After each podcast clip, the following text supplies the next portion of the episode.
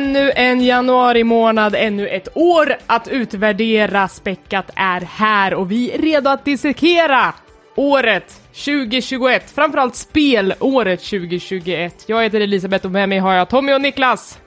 Tja! What's Joe. up boys? Det är bra. Själv då, Elisabeth och Niklas? It's good. Ja, men det är toppenbra. Vilken eh, stel början, men eh, jag måste ändå fråga på direkten nu när det är ändå 2021, eller jag har tusentals frågor. 2021, vad får du för bet- betyg i helhet? 3 plus. Ja, jag ska, 3 plus för, säger Elisabeth. Jag säger nog 4 plus för min personliga utveckling skull. Eh, jag, Hur jag, blev du en bättre människa i år? jag försökte lära mig att laga lite mer mat. Tommy himlar med ögonen bara. Eh, och Mer jag eller vet, vad bättre? innebär det? Det är väl lite dillsås och fiskpinnar som du har lärt dig vända på liksom. Nej, jag, jag har faktiskt börjat bli, bli duktig på att planera en matsedel som innehåller liksom grönsaker också. Matsedel, vad är det för jävla förskolor du går i? Jag har också matsedel. Det är Men jättebra. sluta, vad fan, väx upp nu Det är hörni. jätte, jättebra. Men det Planera är, handlingen och vi är supervuxna nu. ja, det, det måste man bli. För det jag är mest, mest nöjd med är att jag har börjat eh, ta upp en gammal hobby igen och det är att jag har börjat göra musik eh, på, på kammaren, så att säga, eller i skrubben eh, för egen del. Eh, som jag har, eh, ja, det har legat och samlat damm, min keyboard där hemma, men nu, nu är det Förlåt, roligt. kammaren, alltså det, det, det, låter bara som du pratar om sex just nu. Att det, det liksom... Sängkammaren. Att, att, att, att, ja, precis, och att du har liksom skrubbat av det och liksom nu, samlat damm och nu är du igång igen. Ja. Nej, så lät det inte alls. In your mind. Det, det är bara min knullhjärna som låter så. Som går på högvarv. Nej, nej men jag, eh, s- jag är så pass nöjd och har så pass bra självförtroende nu så jag tänkte fråga er om det skulle vara okej att gå ut det här avsnittet med en av mina demos. Ja! Jag är fan pepp. Tommy säger nej, det ser jag direkt, han kommer inte. Ja, men det är två mot en på direkten, så Ja. vad ska jag säga? Ja, men gör, gör det, gör det. Om du, om, du, om du går rakryggad härifrån med det, så visst, varför inte? Tack, tack. Jag tänker ändå att en själv är ens främsta kritiker. Så om eh, Niklas vågar visa upp det här, då är det bra. Då är det godkänt i alla fall. Två plus. Eh, men ni då? Elisabeth satt tre plus, vad, vad innebär det? Men jag vet inte, det var så här tråkiga spel, tråkiga filmer, tråkigt liv. Jag fick ett nytt jobb och jag fick, fick jag köpte en ny lägenhet. Och de sakerna var bra i sig, men de förde med sig så mycket stress att jag inte riktigt har kunnat njuta av det. Eh, jag hoppas att det, det liksom lugnar ner sig nu när flytten faktiskt är gjord och man faktiskt börjar bo in sig lite grann och sådär. Men jag har inte känt att, jag, att det har gett mig den där fulländningen i livet som jag hoppades på. Det kommer, det kommer så småningom. 2022. 2022, det är fem plus året. Det, det fastslog vi ju redan förra avsnittet. Just Mm. det. Eh, Tommy då? Nej, men jag skulle nog sätta 5 plus på 2021 faktiskt. Jag har haft ett jävla kanonår. Eh, jobbmässigt har det varit ny tjänst och företaget jag jobbar på har varit så här, verkligen liksom parerat eh, coronagrejen på ett så jävla professionellt sätt och allting. Så är det bara, bara, bara flyter på, ska vi inte säga. Men de, de har, där jag jobbar har de skött det så otroligt snyggt och liksom det, man får liksom haft väldigt mycket så här fria tyglar och särskilt nya eh, tjänsten också har varit otroligt kul att så här, växa in i nu eh, under året. Eh, och samtidigt har vi ju typ landat på fötterna nu. Vi- flyttade in eh, 2020 och då har man liksom allt från renovering och köpt nya möbler och sånt där. Så nu, det det tar ju liksom minst ett år att liksom komma på fötterna i, eh, med en ny lägenhet och fylla ut saker och allting sånt där. Så nu, nu börjar det liksom hända saker, man börjar trivas där man bor. Så jag tycker jag har haft så här skitbra år, tycker jag. Jag hoppas, inte att, alls. jag hoppas att mitt 2022 kommer vara ditt 2021, alltså lika bra som du har haft. Ja men ditt, dina år är ju fem plus hela tiden. Du måste bara förstå det tror jag. Kanske så. Jag Du måste... spelar ju brädspel och allting. Du spelar ju fan Gloomhaven Men jag har ju för fan och inte allting. spelat Gloomhaven på fem månader för att vi har haft den här jävla flytten. Ja, misär. men bara tanken att du har gjort det är väldigt kul. Måste jag ändå tänka. Jag vet inte. Jag, jag, på, på din Instagram ser det ut som du har haft ett jävla fem plus i alla fall. Det är väl det Instagram är till för. Man ska lägga på filter så att det ser ut som ett 5 plus liv. Säg man det lägger- gärna till mitt Instagram när jag skickar bilder på min son som åker in på fol- Folktandvården. Åh, gud. Huvudet före. Det bästa Instagram du postade var ju när han skulle leka, lekte han tandläkare på det eller vad fan är det och du ska gapa jätte- jättestort. Ja, men- ja, men precis. Eh, lång historia kort är väl att han slog in tänderna, ingen skada skedd, lite grann bara. Men sen tyckte han det var kul att leka tandläkare, så nu ska han liksom operera våra munnar. Man kör ju ner det där som det vore någon slags deep throat-grej nästan i halsen på en. Någon leksakstandläkargrej liksom. Eh, men, det, men det är kul, det är det det är till för, barnen. Det ska liksom, det, det ska smälla. Det Ja. klippet är otroligt. Det Det är klippet ett jävla, är fem Har- det är ett jävla Harry Potter-hus här hemma. Det liksom flyger runt saker hela tiden känns det som. Okej, eh, vi har preppat lite olika kategorier som vi ska då prata om spelåret utifrån. Det första är något som inte bottnar i 2021. Den första är bästa spelet vi spelat, men som släpptes innan 2021. Det här är alltså sent till partyt-titlarna vi kommer att Precis, hylla. alltså en, en, en backlog-kategori skulle man väl kunna Ja. säga. Så det här kan ju vara spel som alltid från liksom Pong fram till 2020, liksom, för Mm. hårdare. Jag gillar Eh, det, jag gillar det. Ja. Vill eh, någon börja? Känner någon sig att de har någonting pang bra här? Kan, kan, kan vi inte bara dra igenom alla kategorier först, så bara Ja, lyssnarna absolut. äh, hakar på vad det är för någonting som... För, som, som Elisabeth sa så har vi ett x antal kategorier, jag tror det är fem, sex stycken. Så det är bästa spel släppt innan 2021. Mm. Och sen har vi årets största besvikelse. Oj, ja. Årets fattar inte grejen slash mest överskattade. Och sen har vi årets överraskning, årets multiplayer och sist och inte minst så har vi bästa spel 2021 då vi eh, har rangordnat tre spel var som vi tre eh, tyckte enskilt då var våra personliga favoriter. Så vi sparar Sen gräddan vi- till sist. Ja, men sen slåss vi i slutet tänkte jag om våra första placeringar. Okej, vem som har den bästa första placeringen. Ja, precis. Jag fattar. Fair enough. Men innan 2021 då, har vi någon som står ut direkt som man känner yes, det här var skitbra? Mm. Det, för mig så var det ju då eh, en gammal käpphäst, eh, The Witness, som jag försökte spela när det var nytt, men eh, kö körde fast för att jag var inte smart nog, helt enkelt. Det är ju ett pusselspel, som de flesta vet. Eh, men den här gången så, så spelade jag det, eh, nu över julen faktiskt, tillsammans med min sambo, som tycker det är jättekul med pusselspel. Då satt vi och hjälptes åt. Eh, och uh, det var en speciell känsla att sitta båda med typ så här, eh, satt och hade så här rutade anteckningsblock. Liksom, och satt och försökte liksom klura ut lösningar när man körde fast i själva spelet. Som gjorde att det kändes lite old school. Eh, och till slut så klarade vi spelet också. Eh, vilket kändes som en personlig triumf. Eh, Var Får man du- slänga in ett veto i de här, eller så här hyckla Nej. kort eller någonting, Okej. och bara förstöra något? Jo, Ja, för jag vet aha. att Niklas har sagt till mig att han har somnat flera gånger i soffan och fått låta sin sambo spela vidare själv. Och ibland kan han gå iväg, liksom, sen hör han ett skrik och då har han liksom löst någonting. Så du har ju liksom, det är ju inte fel, men du kan ju inte sitta här och ta cred att vi har löst det här. Det är ju hon som har fått liksom kä- kämpat liksom. Jag har åkt snålskjuts.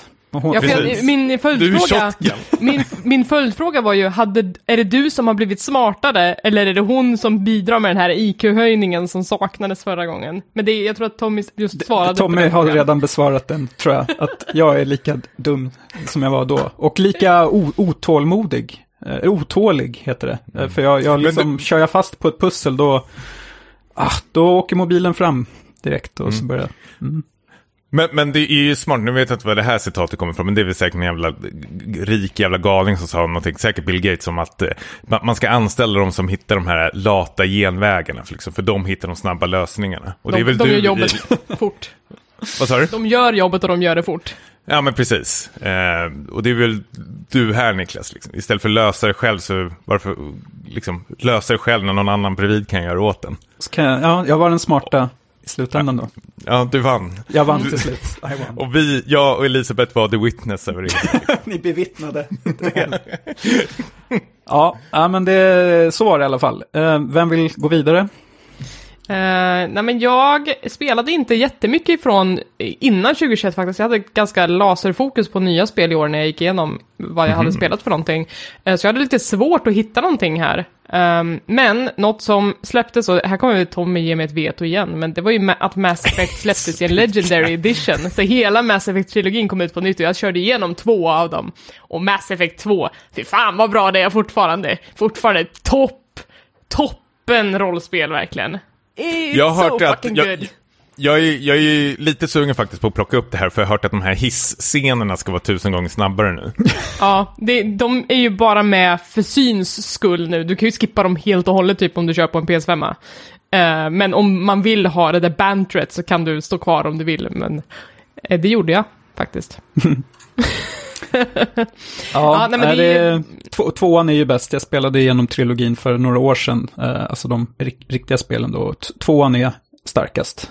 Mm. Ja, men jag tycker det var en kanonutgåva av hela trilogin, att de har ju liksom hotat upp grafiken lite, de har gjort kar karaktärsskaparen lite mer konsekvent över alla tre spelen, så att din Shepard ser lite mer lik sig ut över alla, alla varianterna. Um, och uh, jag tror att de har bättrat på vapensystemet också i något av dem, så att det inte är riktigt lika taffligt som det var förr.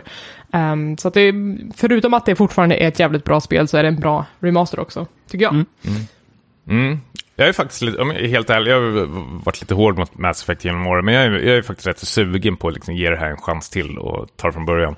Mm. Jag spelar ju bara fram till början av trean eller någonting sånt där, tills jag gav upp. Så det känns lite som jag liksom förlorat på målsnöret och nu är det väl liksom chansen att ta upp det igen. Men om du inte gillade det då, jag tror inte att du kommer gilla det nu heller. Jag ser inte riktigt vad... Då kommer vi till mitt spel, för nu är det ett spel som jag verkligen har avskytt i flera år faktiskt. En spelserie som jag har liksom doppat tårna i lite då och då och känt att nej men det här, det här är ingenting för mig, det här är liksom trams. Men sen, och så har jag lagt det åt sidan, men sen har jag liksom börjat liksom titta på det igen och sagt fan, jag är ändå rätt så sugen att prova.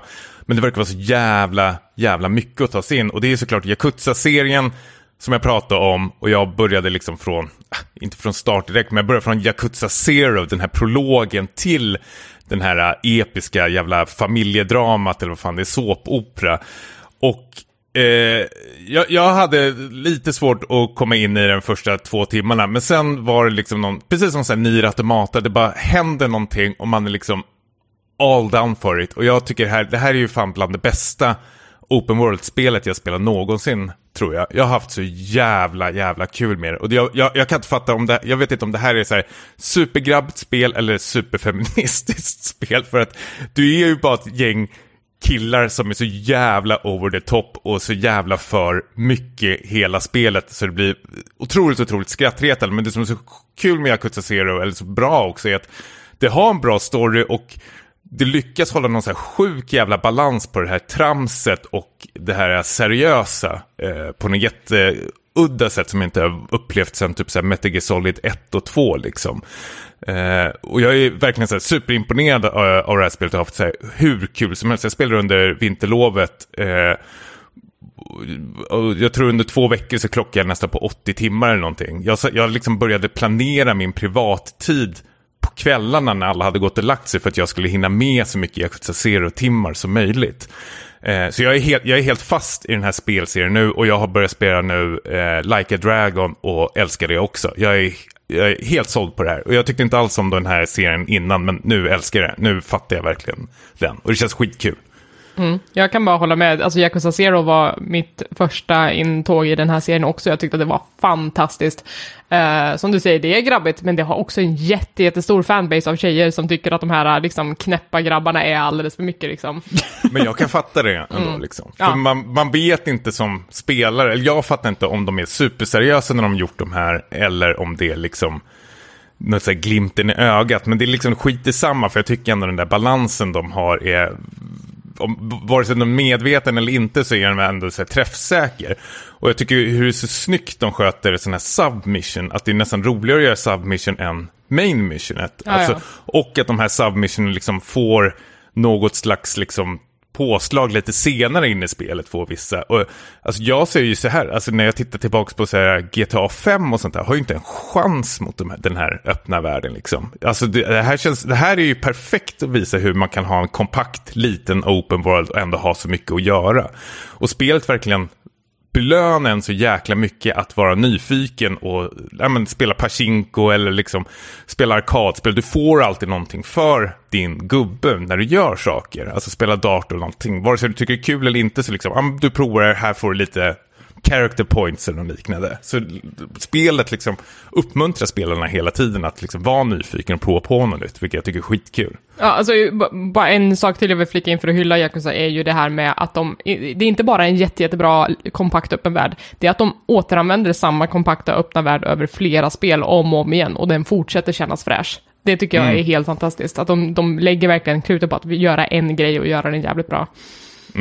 Jag har ju som mål nu under 2022 att ta mig igenom hela Yakuza-serien på något jävla sätt. Jag vet inte hur det ska gå. Men jag är skitsugen faktiskt. Så nu, Yakuza-serien är, är färdigbockat och klart. Sen kunde jag inte hålla mig så jag hoppade in till eh, sjuan. Och det är verkligen helt galet jävla bra. Alltså. Det är en av de bästa JRPG-spelen jag spelat på de senaste 20 åren, kan jag lätt säga. Absolut. Ska du ta Judgment också då? Ja, ja, ja. Jag är inne för the whole shit nu alltså. Judgment är jag skitpeppad på. Så jag funderar om jag ska dra någon så här varannan grej eller någonting. Men nu är det bara två Judgment-spel, men ja. Du har att göra, det kan jag säga. Mm, det är ja. väl kul. Det här var väl tre pangspel, eller? Jättefina spel. Ja. Witness har faktiskt inte spelat klart, jag var för dum för finalen tror jag. Men eh, också kanon. Ja, Då- jag, jag vet hur det känns. Ja. Ja, precis. Eh, Okej, årets största besvikelse. Vi går liksom rakt från topparna ner till Dalarna här. Mm. Och det här är så, oh, precis årets största, det vill säga 2022, 2021s eh, största besvikelse. Eh, och besvike, besvike, besvikelse för er, vad innebär det? Är det liksom att ni har haft höga förväntningar på det här spelet eller är det att ni är någon så här hype-tåg eller någonting sådär? Eller det kanske vi kommer till lite när vi presenterar varsitt spel eller något. Men jag tänker att det är väl definitionen av en besvikelse. Det måste finnas någonting som krossas. Det kan inte vara att säga, ja ah, det här skitspelet var ett skitspel, ingen var förvånad. Utan det måste ju finnas en viss förväntan innan. Mm. Men sen finns det ju en, liksom en, en egen personlig förväntan tänker jag. Och sen finns det något, alltså att man hakar på någon slags hype-train, alltså att snacket runt omkring eller någonting. Att det här ska vara riktigt jävla bra. Men vi får se. Vad, hur, det är ju öppet till tolkning. Ehm, Elisabeth, ska du börja den här Ja, gången? men jag kan köra igång här. Här har vi då ett spel som såg så jävla intressant ut när det kom. Det går i tidsloopens tecken, precis som mycket annat gjorde under det här året. 12 minutes. Det här är alltså eh, indie-utgivaren Annapurna som hade signat på ett spel av en, eh, jag tror han är mestadels ensam utvecklare. Och sen har de kastat pengar på att få in kända skådisar för att röstlägga det här spelet. Jag tror det var eh, Daisy Ridley, Ah, vem fan var det mer? Var det McAvoy? William Defoe. Willem Dafoe, ja. Stjärnspäckat. Och det framades då som det här kammarspelet, det utspelar sig i en lägenhet, samma scenario börjar om och om igen och spelaren ska ju då försöka eh, hitta ett sätt att bryta den här loopen, så, som det så ofta handlar om. Eh, såg så intressant ut på, på eh, trailers, det kändes som att det här kan bli liksom det, det liksom ultimata indiespelet i år. Det skulle kunna knock it out of the park verkligen. Ehm, men det föll så jävla platt för mig alltså. Inte, och, och då liksom pratar jag inte ens om storyn utan gameplayet blev så jätte, jättetråkigt. Jag spelade tillsammans med min sambo, vi passade handkontrollen mellan varandra och till och Ingen med ville då... spela. Nej, men, ja, men det, var, det var lite så till slut. För att även fast, även fast jag inte höll i handkontrollen hela tiden så kändes det så upprepande hela tiden. Man gjorde samma saker hela tiden, om och om igen. Det fanns liksom ingen genväg till en lösning som man har hittat fem gånger liksom. Utan man bara gjorde samma sak hela, hela tiden och försökte klura ut vad det var man skulle göra härnäst. Det var liksom mekaniskt dåligt och sen då när man kommer till slutet och äntligen har nystat upp den här jävla storyn och förstår vad det är som pågår, så är det en så jävla dum twist så att jag kreverar.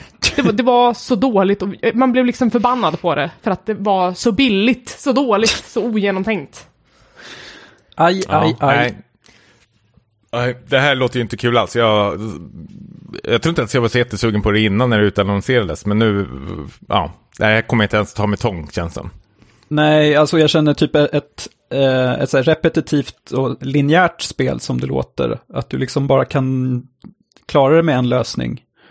Låter ju som ett så här, bara trial and error eh, historia.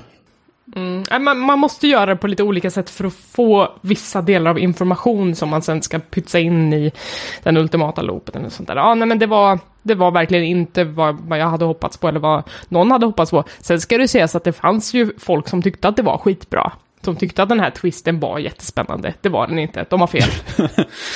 Ja, Vi är bäst. ja Ja, jag litar på dig. Ska, ska jag gå vidare med uh, ett spel som jag tror alla vi tre har spelat? Uh, Buddy ja. Simulator. Nej, du har inte spelat det. Buddy. Simulator mm. 1984.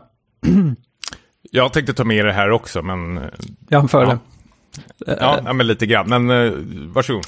Ja, alltså det, eh, det pitchades ju till mig eh, av Tommy som ett eh, bry bryta fjärde väggen-spel med mycket meta. Eh, Pony Island-aktigt. Eh, och jag var ju såld då och jag såg de fina recensionerna på Steam.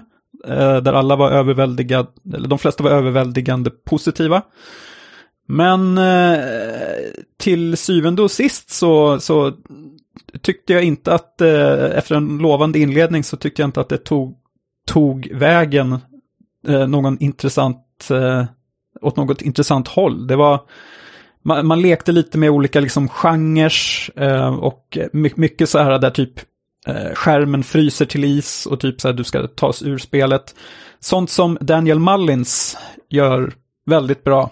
Eh, men eh, det här, det här står ju fast då att det är inte så, så lätt att, att göra liksom ett engagerande eh, spel av det hela. Jag, jag blev ganska trött på, eh, på de här greppen i det här spelet som, som det var till sist. Det var, det var alldeles för långt för sitt eget bästa.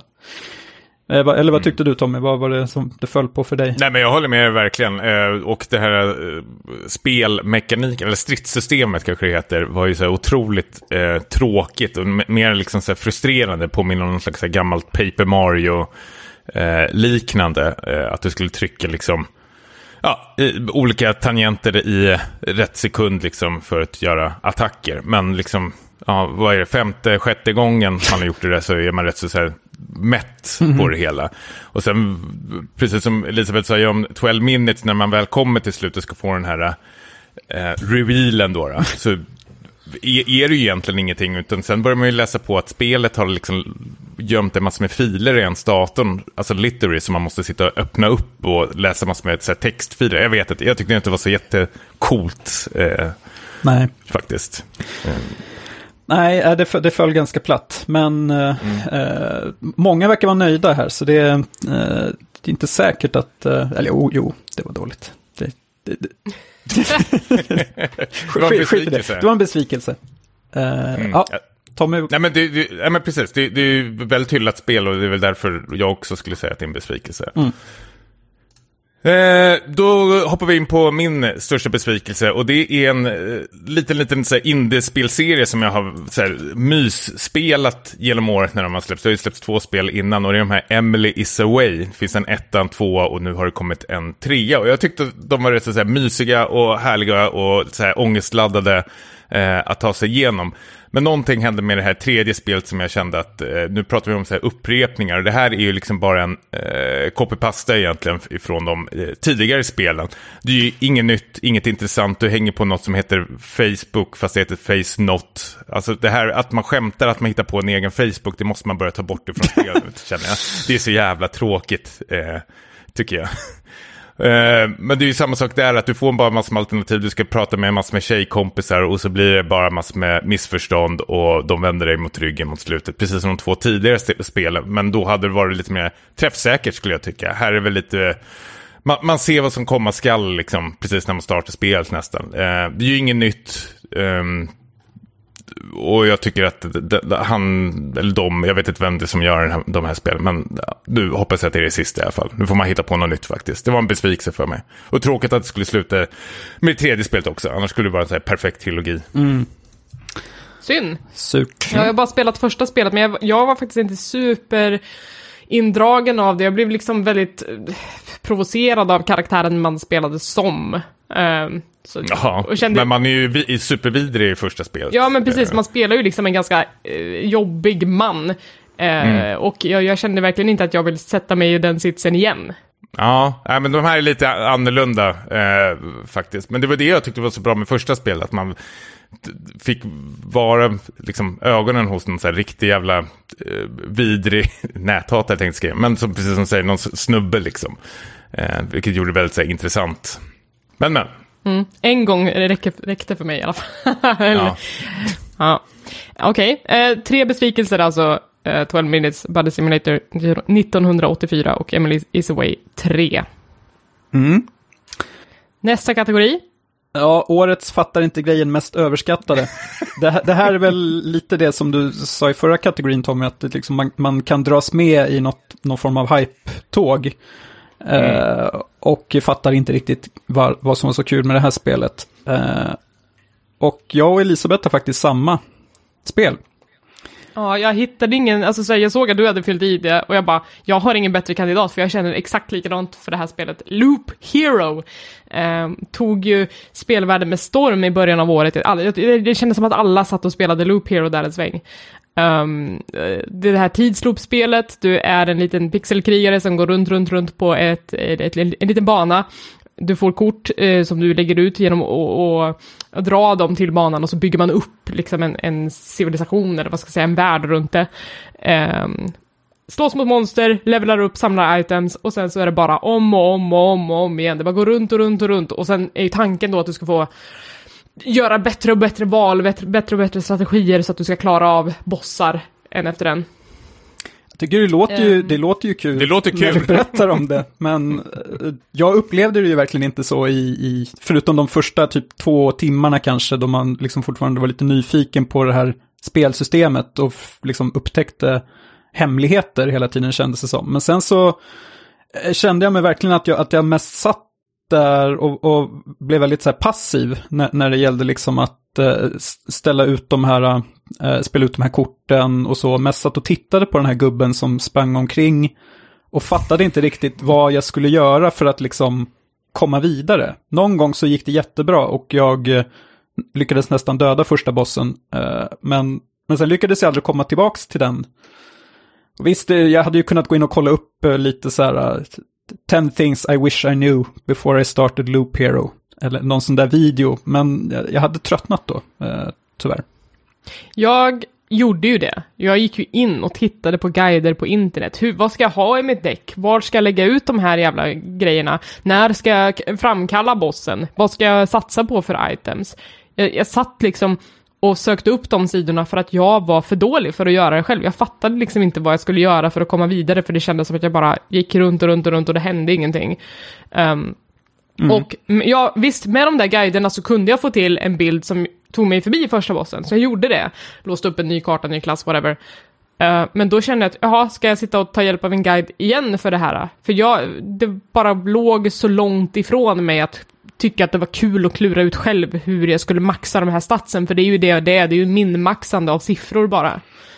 Ehm, och, det, och, och det kombinerat med roguelike ehm, grejen, det, det fu- funkade inte alls för mig. Och jag ville så gärna tycka om det. Jag spelade det jättemycket för att jag ville hänga med i snacket och sådär, men det var, jag insåg att det inte var kul till slut.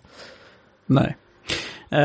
Nej, det var, de som gillar det är ju nöjda med sig själva, att de har liksom fattat de här spelsystemen och liksom kommit så långt. Vi andra sitter här och, ja, Jag har inte spelat eh, men jag är faktiskt jättesugen. Men jag hatar när ni pratar om det. Det lät ju jättekonstigt. Men... Eh, jag vet inte, jag tycker det låter kul när ni pratar om det. Men, det, är, det... låter kul, jag tyckte också att det Ja. lät jättekul. Det är ganska snyggt också, alltså det, det har mycket som funkar för det, men det, fun- men det funkar inte för mig. Jag kan inte det här spelet, jag vet inte hur man spelar sådana här spel. Nej, jag är supernyfiken på det. Eh, samtidigt inte. Ehm, men jag, är nog, jag skulle nog vilja ha det till paddan låter det som. Sitta och trycka där. Ja. Ju, för det verkar vara något som kör på automatik. Lite så här cookie clicker Ja, liknande, absolut. Det, är- det är en Ja. auto-battler, så du, du rör ju inte jättemycket. Du kan pausa och justera vissa saker, men till alltså det största delen är att man tittar på när gubben gör saker åt dig. Mm. Och jag förstår att det kan vara tillfredsställande, sådana här eh, smått idle games, men ja. Ja, men så ge det ett försök, för jag tror absolut att det finns något där. För de som gillar det, som sagt, de gillar Mm. det jätte- jättemycket. Nej, men om det kommer på paddan kommer jag nog kasta mig över det, men eh, ja, det får vi se. Vad har du, Tommy, på din besvikelse? Jag har ett Nej, fattar spel- inte grejen, förlåt. Fattar inte grejen. Jag har ett spel som jag provade eh, nästan alldeles nyligen. Jag har hört eh, massor med hyllningar och tittat lite på det och känt så här, är det här verkligen någonting för mig? Men folk säger så här, du måste spela det här. Det är sweet as fuck, eh, jättecharmigt, nyskapande. Och det är Chicory a Colory... Colorful Tale. Ta- Colorful Tale heter det. Eh, jag vet inte, jag gav det kanske max en timme eller två och kände på direkten att det här är absolut ingenting för mig. Jag kladdade bara runt med någon målarfärg. Eh, jag, jag fattade inte vad jag skulle göra, eller jag förstod inte charmen men jag förstod inte det här plattformandet när man hoppar runt, färglägga saker. Eh, jag tycker att, eh, jag vet inte, storymässigt, jag, jag fattar att, okej, okay, nu måste jag välja mina ord rätt här. Om folk har tröttnat på till exempel så här. Eh, tidsloopar som har varit någon så här grej för 2021 så tycker jag ändå att liksom senaste tio åren är ändå när spel ska försöka behandla typ om så här skrivkramp eller ångest eller någonting sånt där. Att man liksom åker någon slags snål skjuts på det. Bara för att man drar upp ett liksom jobbigt ämne så ska det helt plötsligt liksom vara ett, eh, ett 5 plus-spel. Liksom. Och jag tycker det är livsfarligt eh, faktiskt på, på sina sätt. Att man, man, tillåter det, att man måste även kunna liksom våga kritisera spel eh, även fast de tar upp liksom jobbigt ämne. Jag får liksom samma känsla när Oscarsgalan belönar liksom, eh, aids och hiv-filmer eller rasismfilmer liksom, bara för att de tar upp ett, liksom, ett svårt ämne. Men sen liksom, när själva filmen Green Book är en skitfilm så liksom, är det ingen som vågar ifrågasätta det. Eh, men alla vet om det. Liksom. Och jag känner lite grejen här också. att Eh, det, det, finns liksom självklart ett liksom jobbigt ämne vill ta upp, men liksom själva spelandet och färgandet kände jag på direkten att det här är, nej, det, det här är inte kul tycker jag eh, faktiskt. Jag har, det är ingenting för mig och jag fattar inte grejen liksom, vad folk ser i spelmekaniken i det. Vilken plattform körde du på? Jag körde på switchen. Ja, då förstår jag. Uh, jag började också spela Chicory en gång. Uh, jag körde mm. det med handkontroll. Kände att det här är, det här funkar inte alls för mig. Det här är inte vad jag vill spela. Uh, så jag la ner det och mm. jag körde ungefär en timme också, ungefär som du. Sen så uh, fick det några jävla så här, Game of the Year-grejer och jag bara, fan, jag ska nog ge det ett försök till, för de säger saker om det här spelet som jag inte såg på den här timmen som jag spelade. Mm. Uh, och då gick jag över till mus och tangentbord först och främst. Det hjälper så jävla mycket med den här spelmekaniken. Um, och jag, så här, jag sket väldigt mycket i målandet när jag inte var tvungen.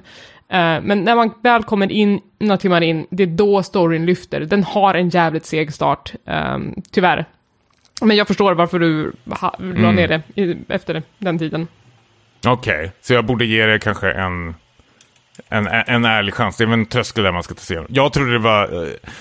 Som sagt, jag spelade kanske två timmar in eller någonting och jag kände att den gjorde inget nytt den här två timmarna eller någonting med uh, penseldragningar. Utan jag, jag förstod mekaniken och kände, var, var det bara det här? Och sen, uh, ja, jag, är inte dugg sugen på att ta upp det igen. Men, uh, ja. bra, men då hade vi på Fattar inte grejen mest överskattade hade vi Loop Hero och Chicory. Mm. Kul! Då mm. hoppar vi över till nästa kategori, årets överraskning. Nu går vi in i de peppiga grejerna, för nu har vi hyvlat lite. Nu är det dags att ja, börja peppa precis. till. Nu, nu lämnar vi skiten bakom oss och blickar framåt. Eller blickar fram, ja. ja hur, hur definierar vi en överraskning då? Låga förväntningar och sen överträffade dem, är det en motsats till en besvikelse? Något jag inte såg komma. jag tyckte det var skit, skitsvårt. Är, är, är det dina sexreferenser igen? jag tyckte det var skitsvårt att hitta på något vettigt uh, här. Um, mm. men, men, Årets överraskning är ju nästan uppe vid Gotu-grejen skulle man äh, säga. Nej, men det behöver det inte vara. Men det kan ju vara någonting som man känt att liksom, det här spelet är inte för mig. Eller de här spelarna har liksom, eller sp spelföretag har gjort bara skit, typ som inte jag tyckte om. Men just det här spelet var väldigt eh, kul. Men ja, Tommy, börja du då. Nu har du fått avsluta, nu får du börja. Ja, men eh, då tar jag med eh, It takes eh, two faktiskt. Josef Fares, vad heter de? Hazelight heter de väl kanske? Studion. och jag har inte varit så här superimponerad av Brothers och A Way Out. Jag tyckte det var helt okej okay spel, men ja, när jag spelar dem så har jag liksom släppt dem. Och sen såg jag den här trailern till It takes two och kände typ att det här är, är ju superflamsigt. Det här kommer jag absolut eh, hata.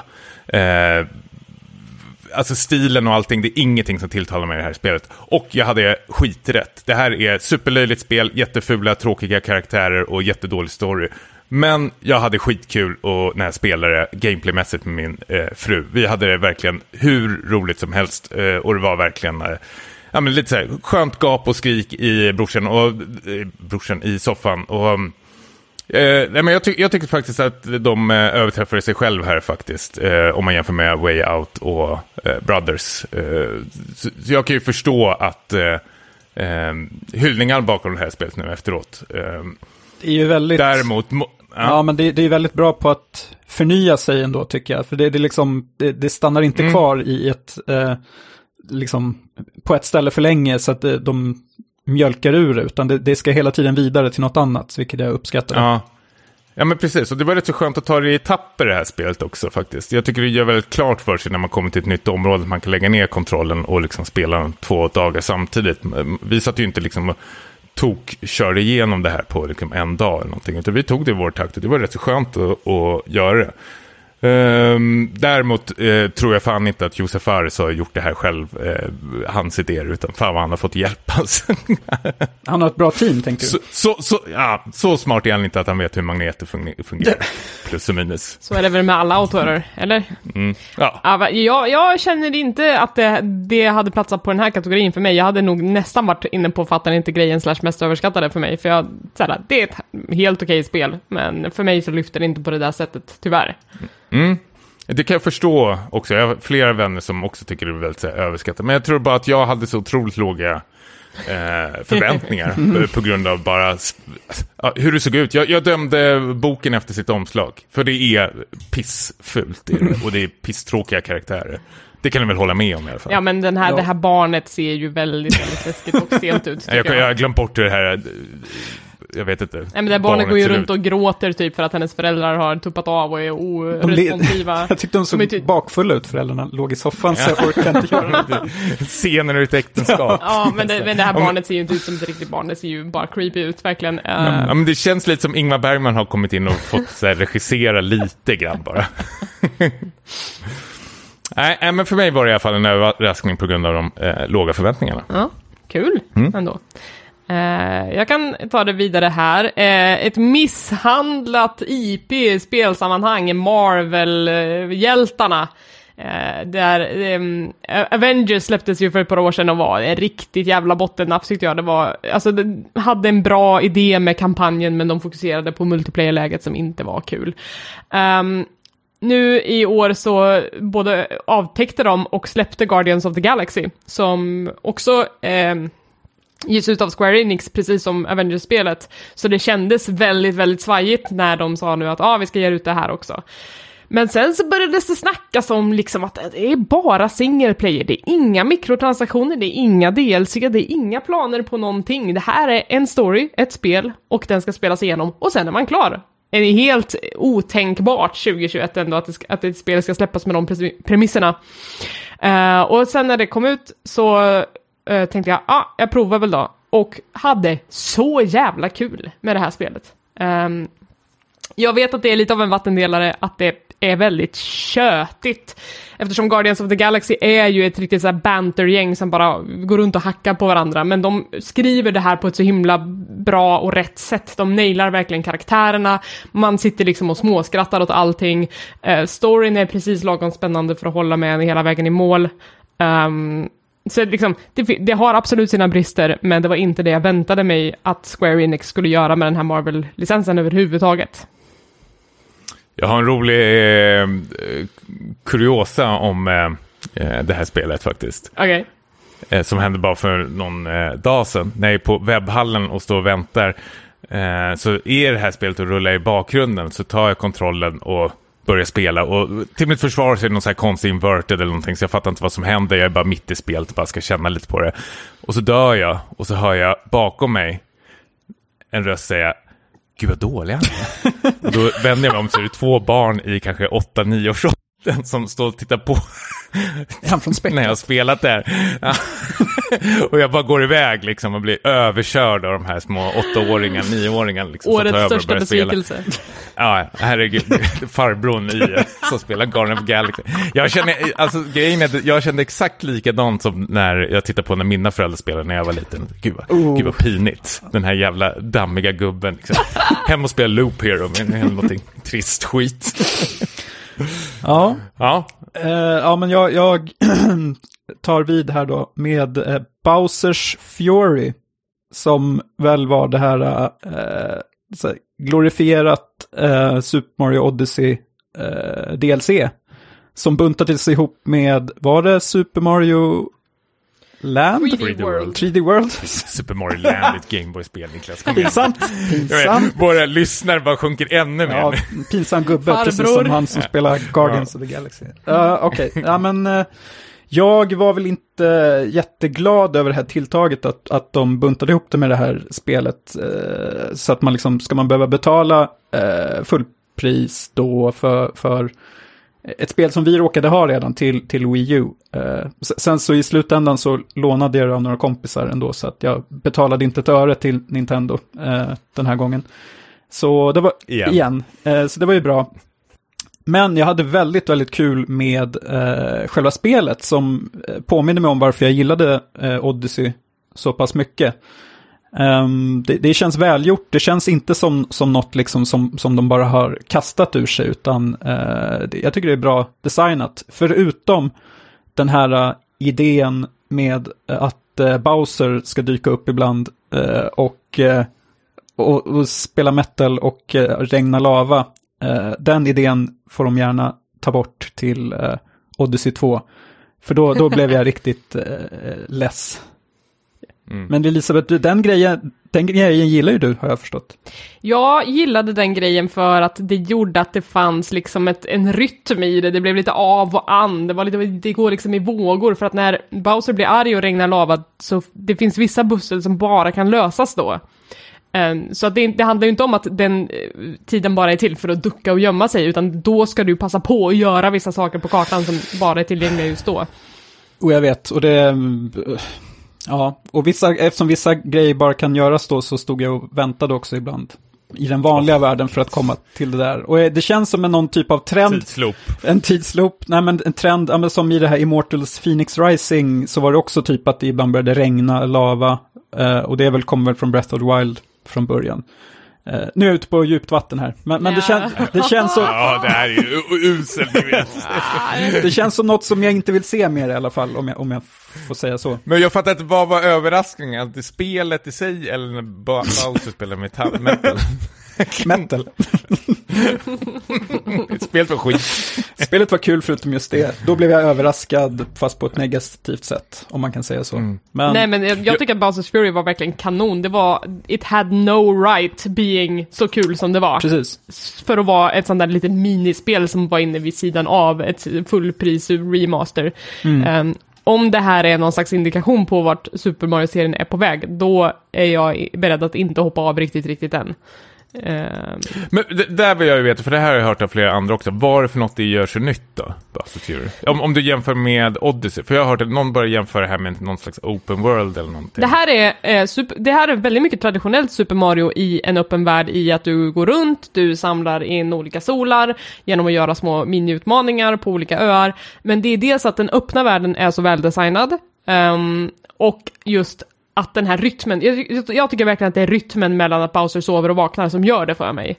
Det gjorde att jag liksom inte slutade spela, utan jag liksom hade en väldigt klar plan i huvudet att nu, okej, nu medan det är eh, frid och fröjd, då ska jag göra de här grejerna. Sen när Bowser vaknar, då behöver jag stå här, för då kan jag göra det här pusslet. Bra, nu har han gjort det, nu går jag vidare till nästa grej. Alltså det blev som en, en bara en väldigt metodiskt sätt att tackla den öppna världen på, där allting hade liksom, allting gick på tid. Och jag hela tiden förhöll mig till den tiden. Ja. Gud, låt som ni beskriver loop here. ja, jag tänkte det också. det lät inveck invecklat. Jag fattade inte de där grejerna. Men, eh, ja, Jag vet inte, det var så jag spelade det i alla fall. Och Ja. grejen var att jag satt och spelade det på två dagar, sen var jag klar. Jag hade 100% av det typ. ja, jag spelar också igenom det ganska snabbt. Men jag tog bara hälften av solarna. Så jag har mer att göra. Fast nu har jag lämnat tillbaka spelet till mina kompisar. Åh nej. Så det är kört. Ja, du får köpa jag får det köpa det. Nintendo vann.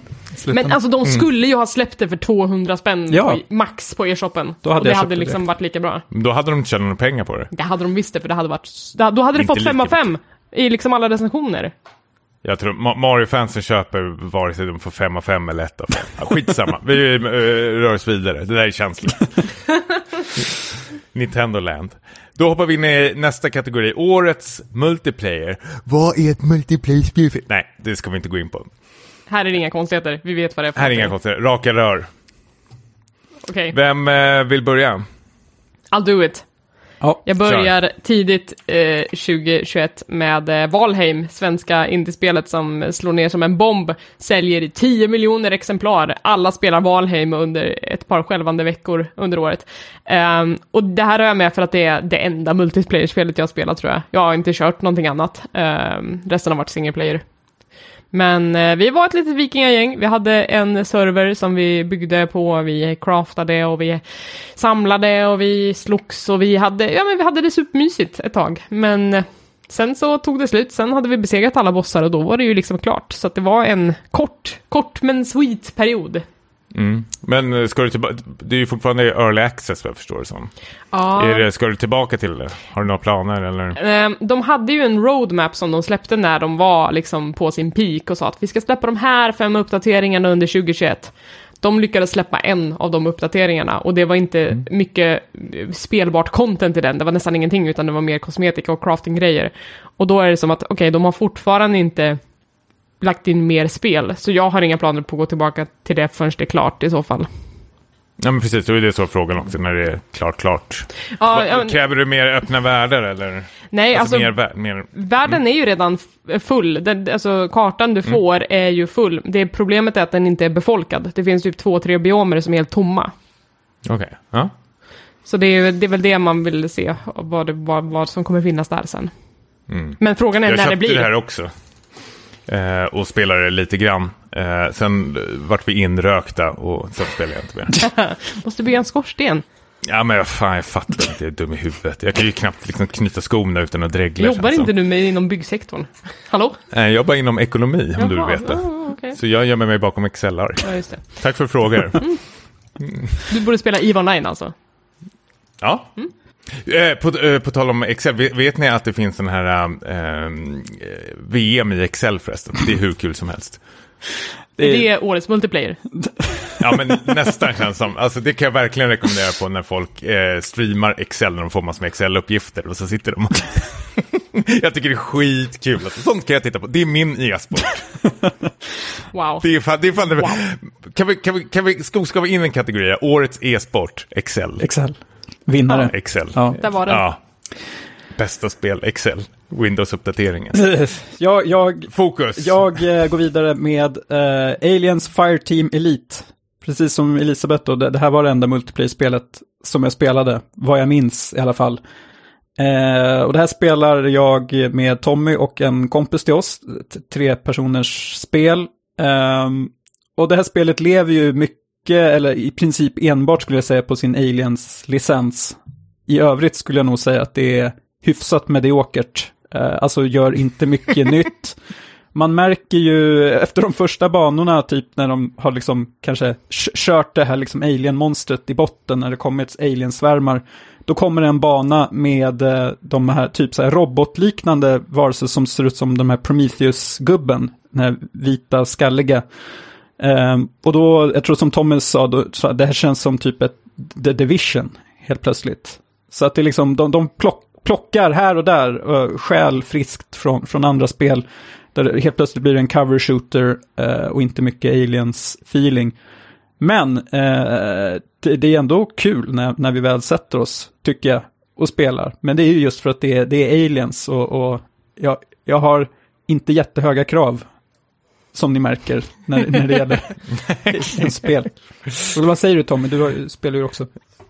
Ja, nej men precis. Eh, det jag tycker är roligast med det här spelet är ju att de har de här fem olika klasserna och att man kan så här, skräddarsy dem lite hur man vill. Eh, och sånt. Det är ju ett otroligt fult spel. Eh, men det gör inte så mycket faktiskt. Utan bara, alltså, om, man, om du har två polare så absolut, eh, kolla in det här tycker jag. Eh, och absolut ännu mer om du är ett fan av Alien-universumet. Men annars så gör det ju inte så jättemycket nytt. Men det är vad det är. Ja, absolut. It is what it is. Har du något som är bättre på multiplayer-fronten Tommy? Om jag har spelat multiplayer-spel i år. Jag är ju tvärtom för er. Jag sitter ju nästan bara och spelar multiplayer-spel. Eh, vi har en liten multiplayer-grupp som jag är med i där vi spelar ett nytt spel stort sett varje vecka känns som. Nej, men eh, däremot är det ett spel som jag har verkligen tagit med mig och eh, som nästan hemsökt mig. om jag ska dra någon klyscha. Men det är ändå Phasmophobia, om ni känner till det här spelet. Eh, det var ju också ett sånt här spel, när det släpptes så var det sånt jäkla snack om det och det gick väl spikrakt upp. Kanske inte 10 miljoner exemplar Valheim, men... Men gult Eh. kort här, det släpptes 2020. Jaha, är det sant? Ja. Ah, ja, skit i samma. Jag, släpp, jag, jag spelar någon jävla superuppdatering då som släpptes 2021. Då. Ja. Så jag får väl, ehm, ja, jag får väl stå vid det. Men eh, vad, vad, okej. Men gult kort på dig tillbaka. Du, du la in ett early access-spel, så fan, då får vi... Men Phasmophobia är väl fortfarande i early access? Va? inte Phasmophobia fortfarande i early access? Jo, men jag tog rygg på det. Ja, okej då. Tänkte, jaha. Men är, är det Ghostbusters-liknande? Eh, du jagar spöken, eller ska du fly undan spöket? Nej men så här är det, att det som gör det så otroligt kul är att du är fyra personer som är sådana här spökjägare och du får ett litet uppdrag, alltifrån att det kan vara en, så här, eh, en, en skola eller ett eh, hem eller någonting. Och du spelar med dina tre vänner och du har sådana här walkie-talkies där du kan prata med varandra. Grejen är att man, man pratar ju inte med varandra i- med Discord, utan man stänger av den, utan man kör ju liksom autentiskt, så att säga, liksom med det här spelets inbyggda walkie-talkies. Och då är det ju en spel som kanske sitter med en monitor och då kan de andra spelarna gå in och sätta upp kameror och då kan den här ena spelaren prata i walkie-talkien att ah, jag är i rörelse i sovrummet. Då ska man liksom lägga ut så spökfällor och vissa spöken, man, ska ju, man har ju en bok där det är liksom 20 olika spöken typ.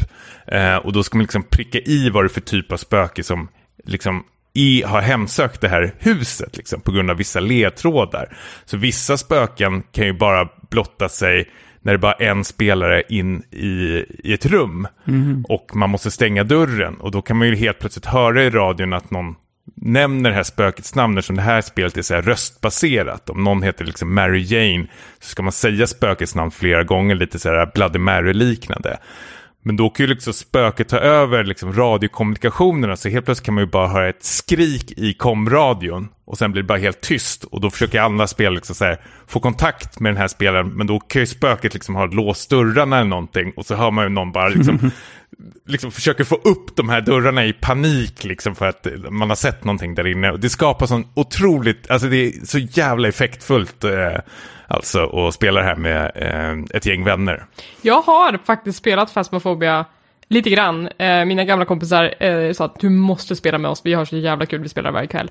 Jag är för rädd för det här spelet, för de lyckas absolut med att bygga en stämning här, men jag vågar ju knappt gå innanför dörren, liksom ytterdörren, innan jag blir... Nej, men vi, vi har en som dig, en, en som skriker otroligt, otroligt högt hela tiden. Ja. Så han har vi stoppat i husvagnen Ja. där han får sitta och mo eh, montera. Men grejen är, han blir ju rädd när de här mätarna, pulsen går upp och undrar om det är sin egen puls. Eller, och vi, ja. Det blir Ja. lite så att man får gå in och örfila upp honom och säga nu får du snap it out. eh, men, men jag tycker det är otroligt, otroligt effektfullt det här spelet. Jag har haft så här, skitkul med det eh, i år med mina kompisar faktiskt. Och det varit så här perfekt att spela på sena kvällar eh, och släcka ner. Måste man vara fyra, eller hur många var det? Tre? Nej, men jag skulle nog rekommendera minst tre i alla fall. Eh, absolut inte själv, tveksam två, men minst tre tycker jag. Great. Så årets multiplayer alltså Valheim, Aliens, Fireteam Elite och Phasmophobia.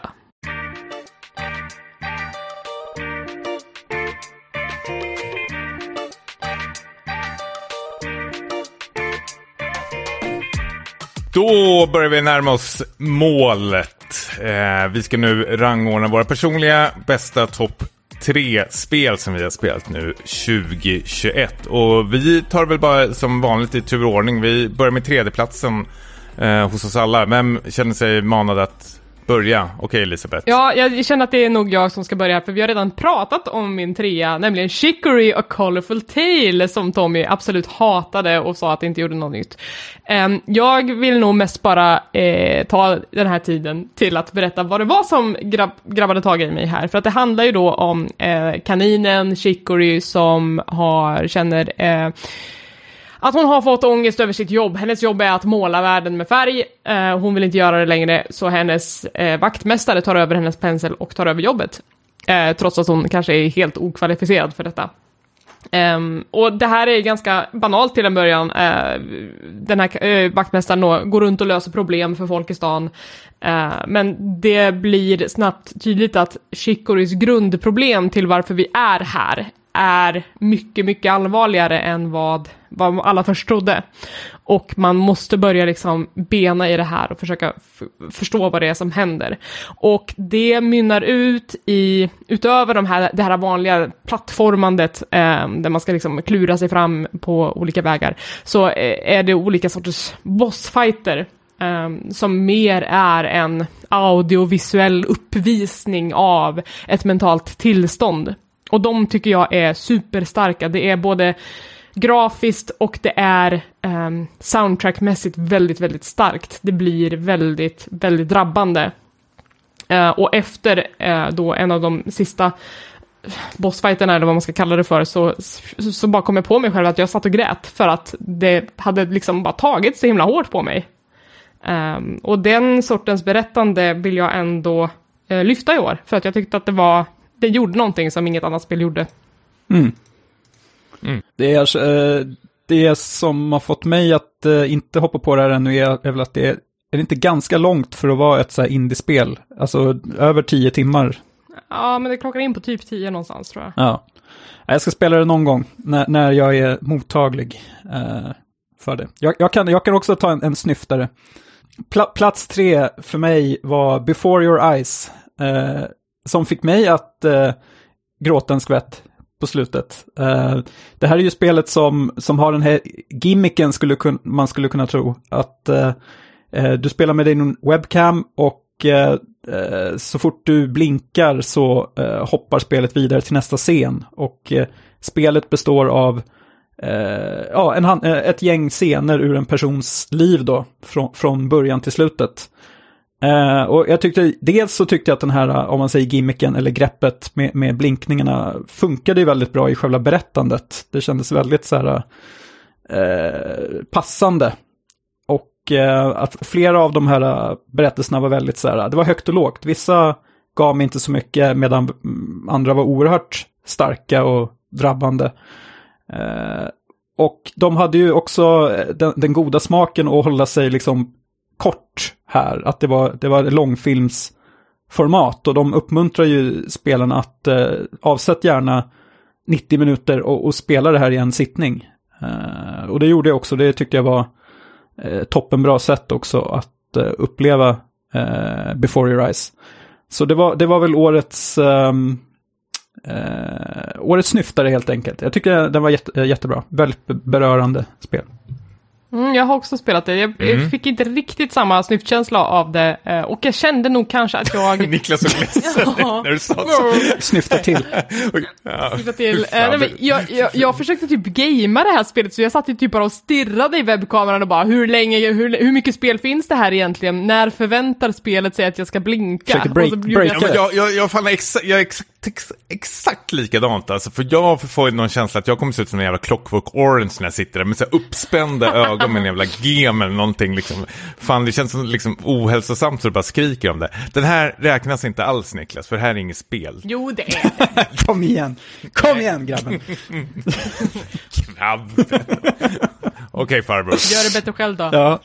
Ja, en riktig snyftare har jag också på min eh, tredje placering och det är eh, Escape Simulator. Vad finns det inte läskigare än att liksom inte kunna komma ut ur ett liksom escape room. Nej, men det, det här spelet är ett, eh, precis vad det låter, escape simulator. Och det är så otroligt skönt och avslappnande och kul att spela det här spelet. Alltså det är ett vanligt escape room-spel. Du kan spela två eh, spelare om du vill, eller helt själv. Där spelskaparna har gjort ett x antal rum med olika teman. Men det som gör det så jävla bra med det här spelet är att på direkten så liksom open-sourcade de det och det ute på workshopen. Så det är jättemycket spelare som släpper sina egna escape rooms. Och det är så jävla roliga och coola och innovativa eh, escape rooms som finns eh, där ute som man kan eh, ta sig igenom. Och jag tyckte det var så otroligt så här, skönt och eh, avslappnande att spela här, bland annat på jobbet eller liksom när man kommer hem och bara köra ett litet rum. Det som är så skönt med de här rummen är att de är så otroligt små men det finns så mycket att göra. Det är liksom 9-10 kvadrat liksom man rör sig emellan. Och det är så skönt att bara att pusslet finns där i det rummet. Och det är så simpelt att bara plocka upp och fortsätta. Jag kräver faktiskt inte mer än så. Eh, faktiskt. Men det vinner väldigt mycket på att eh, de har en workshop och att liksom, spelarna får göra sina egna rum faktiskt. För jag har sett sådana otroligt, otroligt tuffa, eh, häftiga escape rooms där. Är det så att man kan betygsätta rummen och så, så att liksom de bästa hamnar i blickfånget eller är det helt random? Mm, ja men det är ju som vanligt workshop att du kan betygsätta på de du liksom prenumererar på, som man säger. Man subscriber ju rum. Mm. Så kan du följa, liksom, och jag tycker det är svinhärligt liksom. Um, vad ska jag säga, forum, eh, det är folk som hänger och tipsar om rum och allting liksom med teman och önskemål och sånt där. Så liksom det är, fan det här kommer spela långt in på 2022 också mm. tror jag. Jag är skitpeppad. Jag hade faktiskt aldrig hört talas om det här, så att, eh, bra tips. Plats nummer två då? Vad har vi där? Niklas? Ja, men det här var väl årets eh, blockbuster får man säga. Eller årets AAA-spel för mig i alla fall. Resident Evil Village. Eh, som tar vid där sjuan slutade egentligen. Där serien gick över till första persons skräck. Men eh, i sjuan som, som jag tyckte hade ett par lite så här halvfärdiga eh, delar så känns det som att nu, nu bemästrar Capcom den här genren fullt ut. Och framförallt så, så lyckas de oerhört väl med, med själva tempot och balansen mellan de olika delarna i spelet. Från liksom actionsekvenser till eh, en, en, eh, en del som är, som är nästan ja, lite escape room-aktig, eh, om vi ska gå in på det igen. Så att det, det gjorde att man alltid ville liksom spela vidare. och, den, och den hade ju de här karaktärerna, de här bossarna som var extremt minnesvärda. Eh, Resident Evil var tillbaks i, i fin form helt enkelt. Eh, och det var nog det, det, roligaste jag haft med ett spel under 2021. När det släpptes i våras. Hur står det här mot, eh, jag har inte hunnit spela det här än faktiskt. Eh, jag får inte spela det här för min fru. För att eh, ja, hon vill vara med och vi har inte hittat tiden till det än. Men eh, hur står det mot sjunde spelet? Jag tycker det här är bättre än sjuan. Uh, det har ju fått mm. kritik mm. för att det inte är lika läskigt, uh, men jag håller nog inte, jo, ja visst, kanske inte riktigt, men, men det, det, tar igen det på mycket annat. Det har ju jämförts med fyran framför allt, och det håller jag med om på grund av den här europeiska bergsmiljön och lite av fienderna som man möter. Så gillar man ja, men en, en blandning av fyran och sjuan, helt enkelt. Men det är inte för de mm. lättskrämda Elisabeth. Absolut inte. Så tyvärr, jag tror du får stå mm. över den här.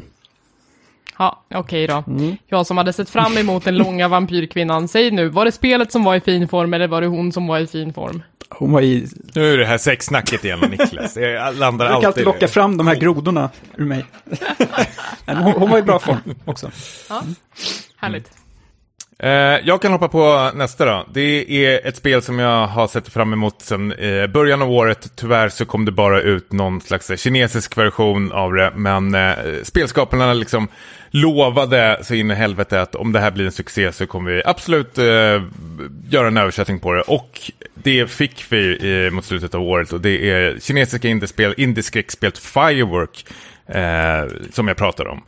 Eh, supermysigt, lätt, liksom casual indieskräckespel som är så platt, 2D-plattform som påminner lite om eh, det här taiwanesiska eh, skräckspelet. Nu kommer jag inte ihåg vad det hette. Detention. Detention, Devotion, båda två.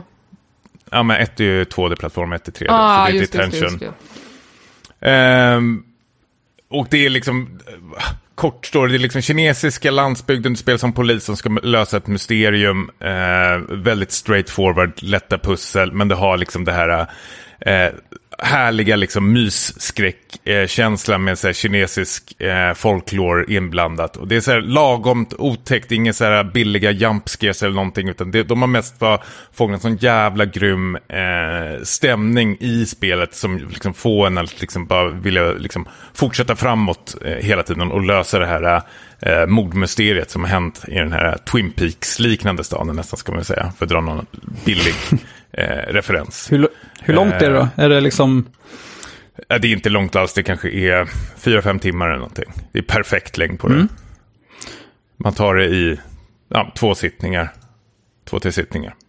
Men ehm, Ehm, mm. skulle du jämföra med Detention, vilket är...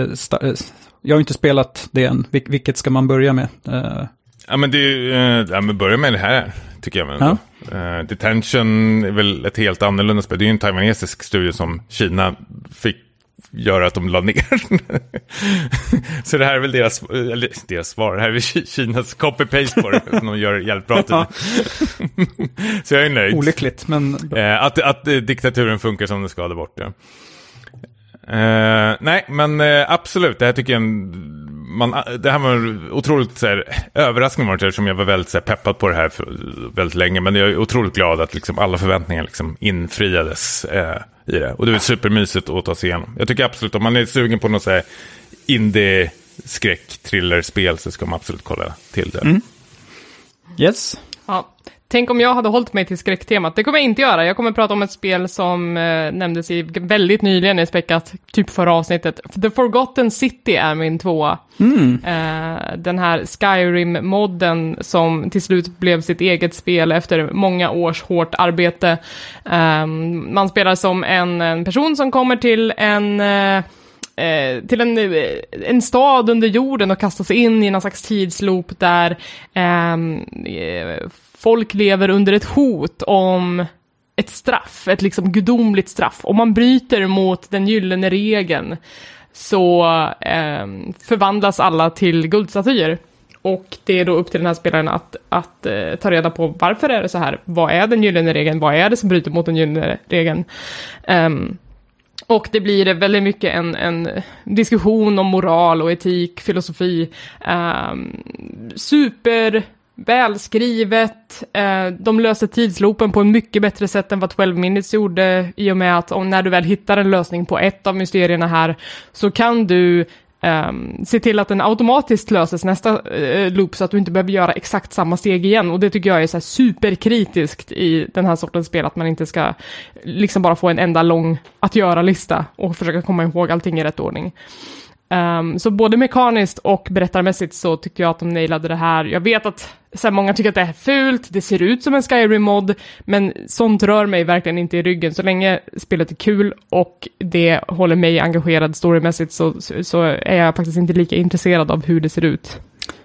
Ja, jag, jag håller med av, av samma skäl som du nämner att, eh, eh, ja, jag, jag, jag tyckte inte det var så, så fult som, som många sa. Eh, det, det såg väl lite knäppt ut på sina håll. Um, och det var väl, jag kommer ihåg att det var ett uppdrag som jag inte riktigt gillade, som stack ut lite för mycket, som var lite mer actionpackat. Eh, jag, jag hade gärna sett att de hade bara hållit sig till de här dialogerna. Eh, men jag tyckte det var väldigt så här, det var feel good spel eh, en kompis till mig och Tommy gav det lite kritik för att det var just det här att man det känns som att man, det är en lista som ska bockas av varje grej. Eh, inte det här att, liksom, att du upptäcker någonting, kanske som i ett Outer Wilds eller sådär. Att det, det var ett ganska enkelt spel, men jag tyckte det var jätteskönt att, att ha den här listan och aldrig köra fast. Det, det liksom bara gå till nästa. Vilket gjorde att jag klarade det liksom ganska, ganska snabbt. Och, och, och gick till och med tillbaks till det för att få det bästa slutet. Eh, Ja, och det är det ju för 100% värt att göra också. ja, absolut. Det känns inte komplett utan att man får se det riktiga slutet. Um, så det, det var en, både en överraskning men också bara väldigt, väldigt bra. Mm, Inte mycket att klaga på för min del. nej. Den skälvande plats nummer ett, årets bästa spel. Mm. Ska de kriga mot de här tre? Så, nej, det behöver inte göra. Tommy, Tjafsa. börja! Ja. ja, det här är ett spel som jag också hade väldigt, väldigt så här, låga förväntningar av när jag såg det för första gången. Jag var inte ett dugg eh, intresserad av det faktiskt. Eh, och det här med tidslooper och sånt där tycker jag är rätt så trist eh, faktiskt. Men det var någonting när jag provspelade eh, Returnal som bara satt så otroligt, otroligt skönt i handen. Och jag har sagt det tidigare, jag känner att eh, har man en Playstation 5 så ska man absolut spela det här spelet. Det var ett sånt jävla coolt eh, shooterfest och den här eh, huvudkaraktären som jag glömmer nu namnet på var eh, Kicking Some Ass. Hon är mycket, mycket tuffare än Samus Aran. Och jag tycker att det är inte bara ett, liksom ett actionspel där du ska bara spela om och om igen. De har vävt in en otroligt, otroligt spännande sci-fi story här om eh, vem hon är och eh, var hon kommer ifrån. Och alla de här bossarna nu som man slåss eh, emot i det här spelet representerar någonting eh, från hennes förflutna utan att säga liksom för mycket. Och det gör sig otroligt intressant den här karaktären själv liksom gräva efter liksom vad man är eh, ute efter. Eller liksom vad det är för något som händer på den här planeten man har kraschlandat på. Eh, och liksom man, man dras med i det väldigt, väldigt eh, lätt och härligt. Och det jag vet inte, jag, jag, jag har varit så otroligt liksom, överraskad av det här spelet och liksom, efter jag har klarat det så har jag liksom, gått tillbaka till det bara för att liksom, fortsätta spela det. För liksom, det är sånt otroligt, otroligt kul spel att liksom, bara plocka upp och köra på. Liksom. Jag spelar det här spelet efter den här äh, patchen kom, den här 2.0-patchen, vilket betyder att man kan liksom quicksava när som helst i spelet. Det var väl det när, som fick väldigt mycket här, kritik i början att man var tvungen att sätta Playstation på rest mode. Men eh, jag tycker det funkar hur bra som helst. Jag har inget problem alls att quicksava och gå vidare. Det här är eh, skitbra spel, flyter på jättebra, eh, svinkul och bara och springa runt och skjuta eh, fula parasiter och sånt. Eh, jag tycker absolut ska spelas av er två. Jag fick ju känna... För det har ni inte. Eh, jag, fick, jag har ingen Playstation 5 och eh, jag fick ju känna på det här hemma hos dig, Tommy, häromdagen. Och det är ju lite som du säger där, det är något speciellt med kontrollen. Känns väldigt liksom klockren omedelbart. Eh, mm. Och det var kul, jag, jag bara kastades ju in i något område där man skulle skjuta aliens liksom. Och det kändes väldigt, eh, att man, man fattade ganska snabbt ändå hur man skulle spela, mm. men att man insåg ju att det kommer bli jävligt svårt också. Men den här, just kontrollen, att de har lyckats så bra med den här haptiska feedbacken som har blivit en sån gimmicker för Playstation 25, att den bara känns så jävla bra i handen, att man har den här secondary fire och liksom kontrollen liksom säger till när den är uppladdad och klar, så du kan liksom säga kontrollen verkligen känns att den säger till dig när vissa saker eller ammo och sånt där inte funkar längre eller någonting sådär och du kan känna det via kontrollen vilket jag tycker är så jävla tufft de har gjort det. Men samtidigt tycker jag så, alltså det blir ju något slags litet skräckspel med det här för du hittar ju sådana här audiologs ifrån den här huvudkaraktären utspridda i det här universumet som hon har liksom spelat in tidigare men som nu inte har någon liksom minne av. Vilket gör det väldigt så, otroligt, otroligt så, spännande att liksom ta sig igenom och hitta de här audiologsen och läsa massor med eh, loggar och sånt där som hon har på skeppet. Jag tycker det är skitkul att låsa upp saker i det här spelet och verkligen nysta i det här mysteriet. Plus att man kan ladda ner eh, det här alien, eller ladda ner, man kan hitta liksom Eh, eller lära sig alienspråket så man kan läsa liksom deras eh, ja, text som de har liksom utspridda i universumet och börja liksom pussla ihop hur allting liksom hänger ihop och vad de gör där och allting sånt där. Äh, jag är superförvånad över det här spelet, eh, hur bra det var och hur tight det känns. Tight, otroligt, otroligt tight alltså, gameplaymässigt och allting. Mm. Det, jag blir ju sugen när folk som älskar det pratar om det, men det är någonting som tar emot med roguelike aspekten av det här för mig. Det är nog det som har gjort att jag inte har plockat upp det. Det är inget roguelike, det är väl ro roguelite. Ja. ja, skulle jag vilja säga. Mm. Uh, och det kan jag förstå, men uh, det är väl lite som jag säger med så här, Dark Souls-spelen. Uh, liksom, spelar de inte för att liksom, så här, klara dem eller liksom, köra igenom dem, utan spelar de bara för att liksom, känna på dem. För det, är en, det här spelet har en känsla som inga andra spel har. Det är unikt på det sättet att man bara sett, sitt, håller i kontrollen till det så bara klaffar allting så jävla bra. Så de har ju verkligen, alltså det, det är någon rytm du får i, i det hela. Och så kan du ju liksom uppgradera den här huvudkaraktärens vapen och det följer ju med varje gång efter varje run. Det är ju ingenting du liksom nollställs varje gång. Så du får ju med dig saker hela tiden och du kommer och kommer längre eh, fram hela tiden. Så det här känns ju inte liksom mer roguelike än vad typ ett jag vet inte, ett Super Mario Bros-spel är när du dör. Då måste du också börja från början och ta dig igenom vissa moment liksom.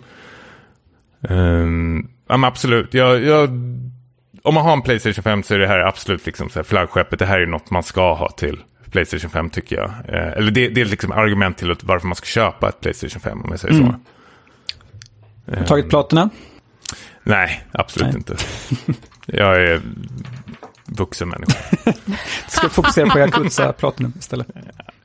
Ja, faktiskt. Ja. Det, det enda man behöver göra det är att man bara går runt och äter väldigt mycket mat på restaurang. Sen är man Jag hemma. äter så jävla mycket mat i Ja, ja, jag- Och spelet belönar en också att äta maten och vara nyfiken med maten. Fan, skitsamma. Jag har sett fan Yakuza Zero och Yakuza 7 på första platsen. Gör det igen!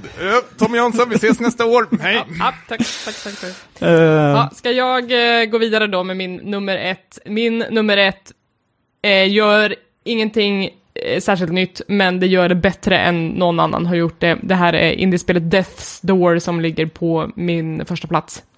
Eh, två snubbar i England har utvecklat det här. Det handlar om en liten kråka som jobbar på någon slags dödsbyrå som hämtar hem förlorade själar. Eh, nu eh, har den fått uppdraget att hämta hem eh, en, en jävligt stor själ som har hamnat på villovägar och Ehm, tar sig då igenom någon slags Zelda-värld egentligen, isometriskt top-down-värld, eh, det är slåss mot monster, det är pussla, hitta hemligheter och sen då eh, banka huvudet mot eh, bossar som finns i den här världen. Och allt det här är superbekant. Har man spelat spel de senaste 20 åren, då, har, då vet man vad det här spelet är och vad man ska göra för någonting. Men Death's Door sätter både mekanik, grafik, musik, stämning, story, alltså allting bara verkligen faller på plats som ingenting annat gör. Um, det är ett sånt jävla bra hantverk så att jag... Det, så här, det, för mig så känns det ju lite tråkigt att uh, mitt årets bästa spel han, faller på att det inte finns någonting att klaga på överhuvudtaget. Det är inte så att det är fantastiskt och magnifikt att göra någonting nytt, utan det är bara det att det finns in, inte en skavank här. Ingenting att klaga på. Eh, och därför så är Death Door eh, mitt bästa spel. Det var någonting som jag eh, verkligen föll för och bara spelade och spelade och spelade tills det inte fanns något kvar att spela. jag spelar ju det här just nu till Switch, faktiskt. Ehm, Ah, nice. jag, eh, jag gillar det också jättemycket. Det känns ju verkligen som att, att det klickar med, med kontrollen och, och striderna. Att det, det är tight, eh, återigen då. Ehm, det som jag är li, lite, eh, drar ner det lite för mig är att det är lite för svårt kanske, lite för mycket fokus på strider. Jag hade kanske velat ha lite mer, eh, ja, men lite mer Zelda kanske.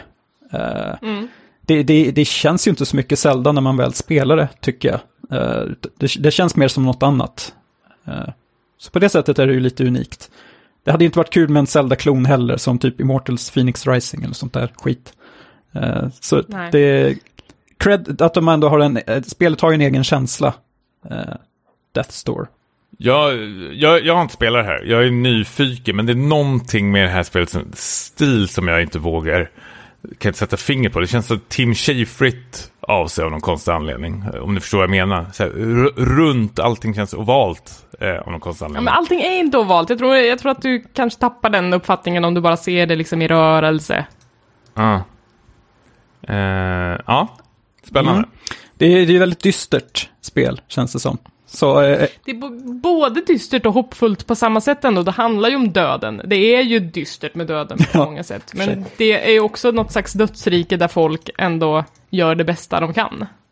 Absolut. Ska jag ta min etta då? Ehm, som, eh, det, det är en man jag har hyllat otaliga gånger. Som en röd tråd genom Späckats historia nästan. Är, det, är det mig vi pratar om? Nej, det här, det här är eh, Eh, eh, Daniel Mullins som Späckat var med och upptäckte eh, i tidens begynnelse med Pony Island. Eh, I Inscription så, så blir det lite av en, en greatest hits kanske i, i viss mån. Att han plockar lite idéer både från Pony Island och The Hex. Men det här skulle jag ändå säga att hans, är hans mest fulländade spel. Ehm, som, som är liksom mycket, eh, det liksom sjuder av skaparglädje och kreativa lösningar och nya infall och att eh, reglerna ändras eh, och att du, du vet aldrig riktigt var du har spelet, att du måste vara på din vakt hela tiden. Eh, det, det enda som talar emot spelet är väl kanske att det är den första delen som är starkast och mest iögonfallande. Och eh, jag vet att Tommy vill spela det här så jag, jag håller det eh, helt spoilerfritt. Eh, men eh, det, det är ju ett spel som, som, som man tjänar på att kom, komma in ganska eh, blank till. Även fast har man spelat Mallins tidigare spel så, så har man ändå vissa förväntningar och man kommer ju känna igen sig i hans värld. Eh, men, men jag trivs väldigt bra och hade inget emot att det kanske var lite längre än hans tidigare spel. Tog mig till slutet och eh, var supernöjd när det var, när det var klart. Eh, Elisabeth, har du något att fylla på med? Jag tycker ändå att du fått med det mesta om Inscription. Jag är, det, det, det plockar inte riktigt min liksom Goti-plats just för att det är så mycket greatest hits här. Jag tänker ändå att någonting nytt kan man kanske kräva av en person som har, som har som sitt signum att överraska. Eh, och det, just det elementet misslyckas han lite grann för mig just för att man har spelat de här tidigare spelen. Men i övrigt så är det ju eh, hans bästa hantverk hittills, hands down. Det här kortspelet som han har byggt eh, till, för Inscription tycker jag är eh, superkul. Det finns mycket att leka med där. Eh, experimentera, leka runt, prova olika saker och se hur det funkar. Um, så att jag hade faktiskt eh, mycket roligare med det här kortspelet än vad jag tänkte att jag skulle ha. Ehm, det höll. Mm. Det är samma för mig. Tommy, är det något som är på gång eller är det... jag, jag, jag har varit sugen på det här på länge, men det är någonting med det här jävla kortspelet som får mig att vara så jävla rädd för. Jag, jag hatar ju kortspel på Eh, ja, men, ja men de här kortspel, jag vet inte vad, vad fan kallas det för? Kortspel? Deckbuilders. Ja, deckbuilders, tack. Det jag tycker är skittråkigt. Eh, så jag, jag tror jag varit lite bränd när jag spelade här Slay the Spire eh, och laddade ner det och förstod inte alls eh, charmen med det. Men eh, absolut, jag är supersugen på Inscription. Jag tycker hans tidigare spel är jättebra. Men det är någonting med den här kortgrejen att jag är så här, avvaktar lite försiktigt. Eh, mm. Mm, men, men ändå... det gäller ju samtidigt att hoppa på snabbt innan man blir spoilad på det. Ja. Det är ju så... Jag tycker, jag tycker ändå att han lyckas att eh, värma upp kortspelet väldigt bra för spelaren. Att det, är, så här, det kan verka övermäktigt, men han introducerar ändå väldigt bra steg för steg. Um, ja, det är pedagogiskt och det, det är fint, uh, fint tecknat liksom. Man behöver inte sitta med långa tutorials för att fatta. Uh, då hade jag nog också tappat intresset lite. Uh, och musiken måste jag nämna också. Och särskilt liksom i det här första, liksom när du sitter i, med, med korten framför dig så känns det väldigt levande. Och du, du har den här motspelaren mitt emot. Uh, och med de här märkliga ljuden och sånt. Så det är otroligt atmosfäriskt. Uh, och ja, hans klart snyggaste spel hittills. Slutet då? Var det infriande? Var det nice? Det var gåshud. Det var gåshud? Ja. aj, aj, Ja. Aj, aj, jag visste det. Okej, kan vi bara repetera våra personliga listor då? Topp tre. Jag, jag kan yes. dra min, eh, det var ju då på plats tre uh, Before Your Eyes, plats två Resident Evil Village och plats ett Inscription. För mig var det plats tre Chicory A Colorful Tale, plats två The Forgotten City och plats ett Death's Door. Och jag hade på plats tre Escape Simulator, plats två Firework och plats ett Returnal. Jävla toppen eh, nio spel känns det som egentligen. Ja, solida tips allihopa. Ja, faktiskt. Är det här som kallas för mångfald? Eller är det jag som är med i den här gruppen som gör det?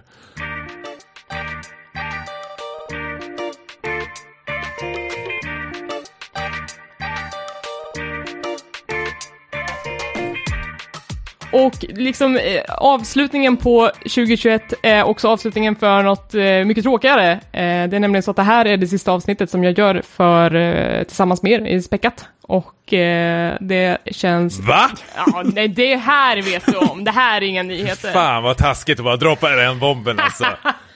Man, manshatet. um, nej, det, det, det, så är det. Eh, väldigt eh, bitterljuvt att lämna er två. Jag har fullt förtroende för att ni kommer att ratta den här skutan vidare. Eh, kanon och jag hoppas att jag kanske får komma tillbaka som gäst någon gång i framtiden i alla fall. Eh, men eh, stort tack hörni, båda två. Vi, det har varit ett gäng väldigt roliga och eh, kuliga, kaotiska år tillsammans med er.